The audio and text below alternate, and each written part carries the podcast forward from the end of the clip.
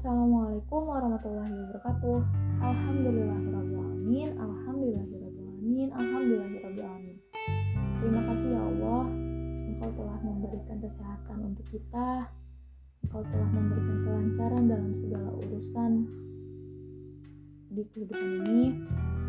Semoga mereka yang di luar sana yang sedang sakit, yang sedang kesusahan dalam menghadapi suatu urusan, diberikan kesembuhan, kesehatan, dan diberikan kemudahan dalam menghadapi segala urusannya. Nah, di sini aku mau ngomongin tentang kecewa. Judul podcast ini akar dari rasa kecewa. Apakah itu? Tidak asing rasanya ketika mendengar kata kecewa. Berapa kali sih aku kamu, bahkan mereka merasakan rasa kecewa. Pernah atau memang seringkah? Atau bahkan tidak pernah merasakan sama sekali? Ya, rasa kecewa itu muncul bisa karena sesuatu apa pun. Bisa karena hal sepele, hal besar. Itu tergantung apa yang sedang kamu rasakan saat itu. Nah, rasa kecewa menjadi urusan dari kita sendiri dengan hati yang menjadi sasarannya. Memang siapa yang selalu membuat kita kecewa? Manusiakah? Keadaankah? Jika Allah tentu tidak mungkin, karena Allah tidak mungkin membuat kita kecewa kepadanya. Masalah terbesar dalam rasa kecewa pada dasarnya adalah hati.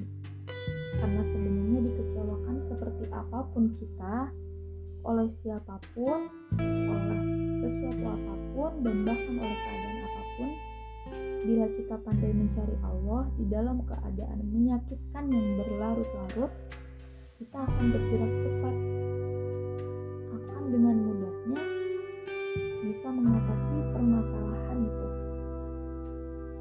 Memang apa sih yang bisa kita lakukan setelah rasa kecewa menguasai tubuh ini? hingga suatu ketika setan bisa mengganggu dengan mengarahkan terhadap hal yang tidak diperbolehkan, yang tidak diharapkan, seperti bunuh diri dan sebagainya. Nauzubillahiminzalik, semoga kita dijauhkan dalam keadaan yang seperti itu. Semua itu hanya sebatas tentang bersabar Kekecewaan yang ada hanya tentang jalan agar kita selalu mengharapkan yang terbaik kepada Allah. Dan ingat hanya kepada Allah, zat yang maha mengatur segala-galanya. Ketika kita merasa kecewa, kita lari kepada Allah dengan cara berdoa. Kita yakin, kita percaya, kita bersabar bahwa Allah akan memberikan jawaban yang terbaik suatu waktu, suatu hari nanti tanpa diduga-duga dan bahkan bisa melebihi dari ekspektasi kita, bisa melebihi dari apa yang kita harapkan.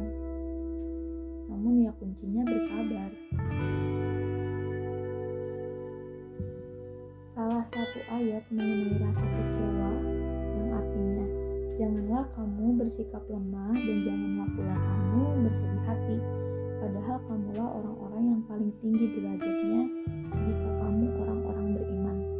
Quran surat surat Al-Imran ayat 139. Nah, sedikit sharing dari aku. Jika kalian nauzubillah, tapi jika kita sudah ada di momen titik terdalam kita merasakan rasa kecewa, sangat-sangat kecewa dengan keadaan ataupun orang lain, hingga akhirnya syaitan sudah memasuki celah agar kita melakukan yang tidak diperbolehkan. Yang aku ingat saat itu, Kenapa aku harus mengakhiri hidup ini, sedangkan aku masih banyak dosa? Sedangkan dosaku masih besar. Belum aku tebus. Memang di dunia jika kita sudah bunuh diri memang di dunia kita sudah merasa hilang beban. Tapi di akhirat balasannya akan lebih lebih berat siksaannya. Itulah yang selalu aku ingat ketika aku sudah ada di momen merasa sangat-sangat kecewa. Dan di situ aku berusaha memulihkan diri sendiri. Yang bisa mengatasi pun ya akan kembali lagi pada diri kita sendiri